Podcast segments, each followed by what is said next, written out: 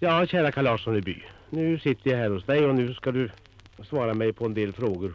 Och särskilt är det en sak som jag under den här resan har träffat på överallt. Och det är nämligen svårigheten att få arbetshjälp till jordbruket.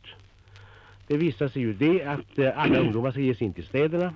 Men anser du nu att det där verkligen är nödvändigt för dem att ge sig in till städerna för att få det bättre?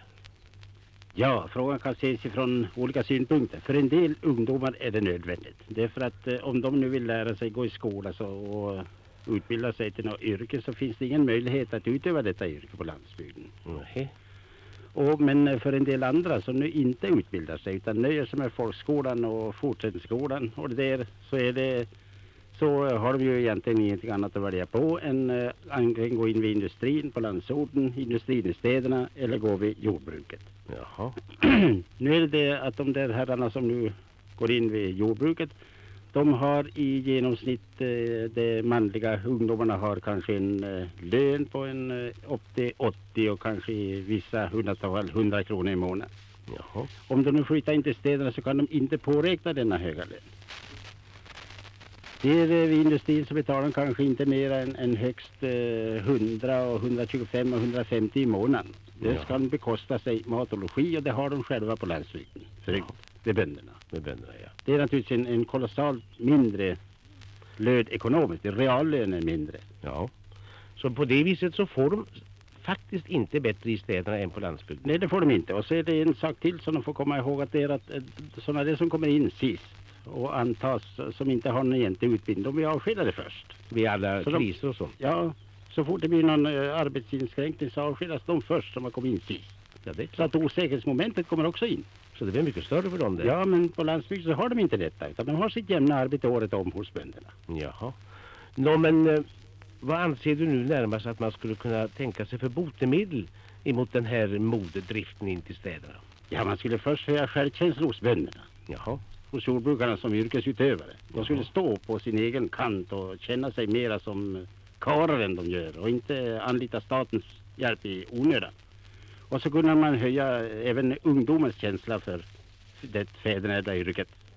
Tycker du att till exempel Juff har gjort gott på den? De har gjort mycket gott. Det är för att de har återgett dem deras eh, känsla att arbetet är ett hederligt arbete och att eh, de uträttar någonting. Det är ett manligt arbete att vara jordbrukare. Det inser de nu. Det är ju väldigt bra. Nå, men hur är det med undervisningsfrågan då för, för denna ungdom på landsbygden? Ja, den, är, den är, dålig. Den är den eh, omskrutna svenska folkskolan är inte så hävlig som du vet. Utan Nej. det, är, eh, det åter så mycket att göra. Och framförallt så är yrkesutbildningen för dålig på landsbygden. Det finns inga yrkesskolor, inga hantverksskolor. Då skulle man ju kunna tänka sig den möjligheten också att det hade funnits eh, just yrkesskolor, hantverksskolor och sånt. Så skulle man kunna få en hel del småindustri att stanna på landet. Man skulle det sen. Och då har man, så, så flyttar alla industrier. Det är för att det är, eh, är för, börjar bli för höga på landet. Ja, visst ja. Ska- beska- Beskattningen är för hög och så är det, är det naturligtvis alltid bättre att vara kring städerna för Ja. kommunikationer. Men det behöver inte betyda så mycket för det nu finns det bussar och landsvägar och bilar överallt så man kunde lägga en liten industri var som helst. Naturligtvis. Och då skulle det naturligtvis höja landsbygdens eh, befolkningssiffra och framförallt minska uttaxeringen som nu i allmänhet är eh, ganska hög. Ganska hög. Och det bidrar också till att eh, hejda den så kallade tråkigheten och utflyttningen. Nå, men då skulle detta inte minst eh, betyda att vad man måste lägga an på vid denna uppfostran så är det att få fram en ny ansvarskänsla. Ja, naturligtvis.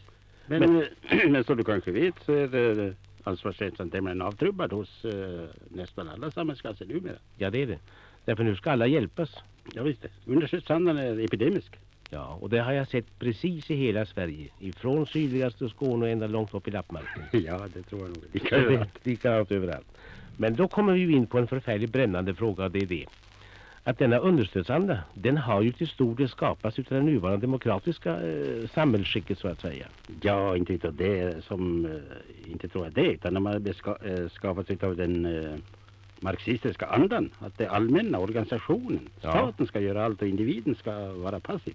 Ja, den ska bara hjälpas. Ja, Nå, men eh, det har ju blivit ett väldigt plåstrande på det viset med folkmaterialet och vad ska det leda till? ja naturligtvis är det det. Man, eh, eh, medicinskt sett så plåstrar man ju med avkomman och håller så många som möjligt vid liv och de är ju inte alltid prima prima liv, eller prima krafter är de inte alltid. Nej. Och man genom att en massa tanter och sådana där sociala plåstrare har- kommit in så sysslar man mer med det svaga, livsodugliga än med det kraftiga. De Just får bära det. skatterna och får sällan någon hjälp. Det stämmer precis och det är, har varit en genomgående synpunkt hos alla de läkare jag träffat i hela Sverige att eh, om den här andan ska fortsätta så är det en mycket, mycket stor risk för eh, att vi ska få en stark degeneration i landet, ett dåligt folkmaterial. Det får vi naturligtvis. För det här svaga de fortplantar sig kraftigast och det här kraftigast minst. Ja, det är just det. Men det här har vi också en fråga och det är nämligen nativiteten. Ja, det är en stor fråga det. Så småningom kommer ju Sverige på det viset att bli en svag gammal gubbe. Ja, det gubbiseras årligen. Och det, det anser du pågå i full fart nu. Ja då.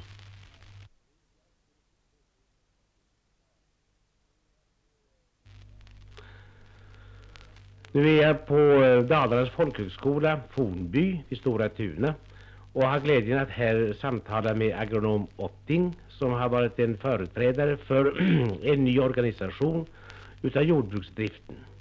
Och nu eh, är saken den att under hela denna resa har jag kommit underfund om att det svåraste problemet kan hända i samband med bostadsfrågans ordnande är eh, bristen som det heter på arbetskraft till jordbruket. Nu har agronom Otting sina egna idéer om den saken och får jag nu fråga agronom Otting hur ni ser på detta problem? Ja, jag ser det som så att det är nödvändigt med en eh, koncentration av driften, det vill säga rationalisering. Eh, Man måste se till att man kan utnyttja de moderna tekniska möjligheterna med maskindrift i så stor utsträckning som möjligt. Jaha, och hur skulle det då närmast ske? Man kan tänka sig att man slår ihop eh, de eh, brukningsdelar som åtminstone här i Dalarna är ganska små till eh, större enheter. Låt oss säga om en 50 hektar. Jaha, och då skulle man då slå ihop olika gårdar som vore mindre till denna enhet. Ja, det skulle man göra då. Och hur skulle då man tänka sig arbetet vara ordnat? Ja, man gör först eh, beräkningar på hur pass eh, mycket arbetskraft man behöver på en sån gård. Och sen får man då eh, anställa arbetskraft efter behovet. Det skulle, skulle då bli sådana som bor där i, låt oss säga, byn förut. Jaha.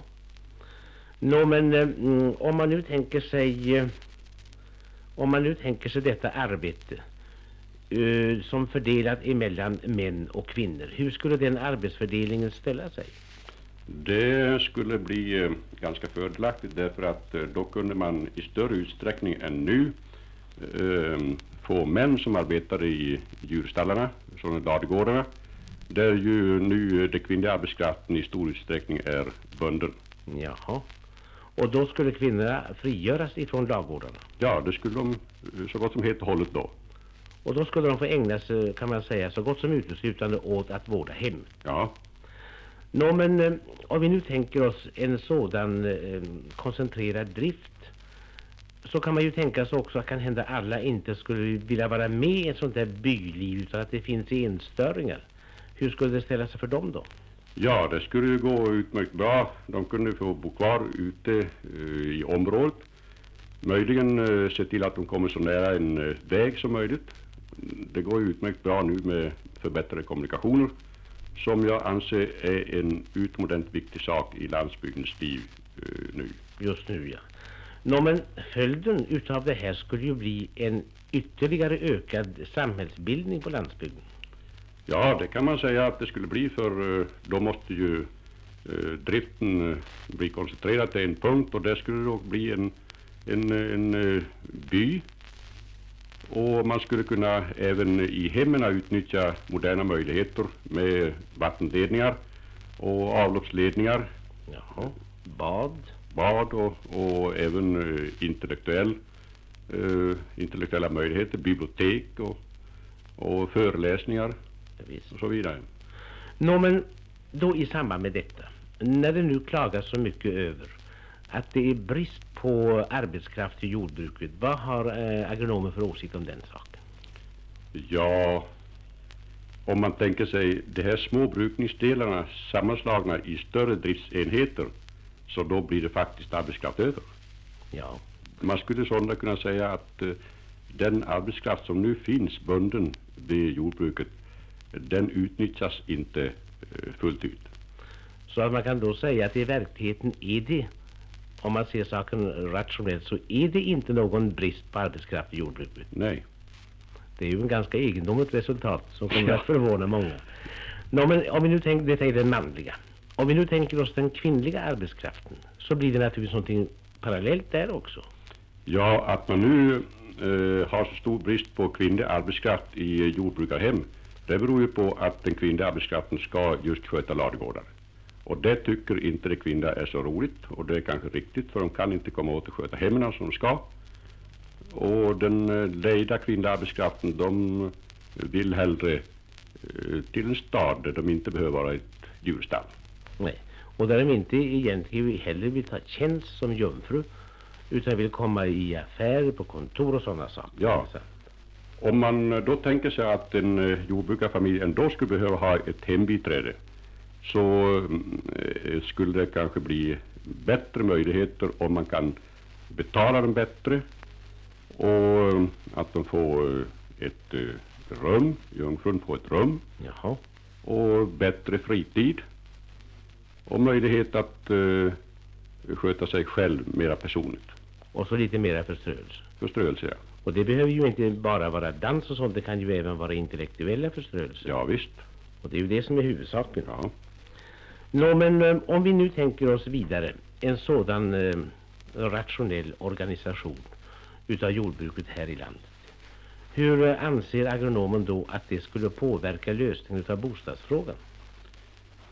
Jo, det eh, skulle då bli möjligt att eh, få ett eh, verkligt hem där eh, bostadsmöjligheterna kan utnyttjas med värmledning värmeledning och mm, kanske inte så stora hus men som sagt så att eh, bostadsmöjligheten verkligen utnyttjas. Så att eh, då anser agronomen att i grund och botten så är själva kärnan i landsbygdens eh, eh, bostadsproblem det att jordbruket organiseras fullkomligt rationellt. Ja, det anser jag. Bara huvudsaken. Det är huvudsaken.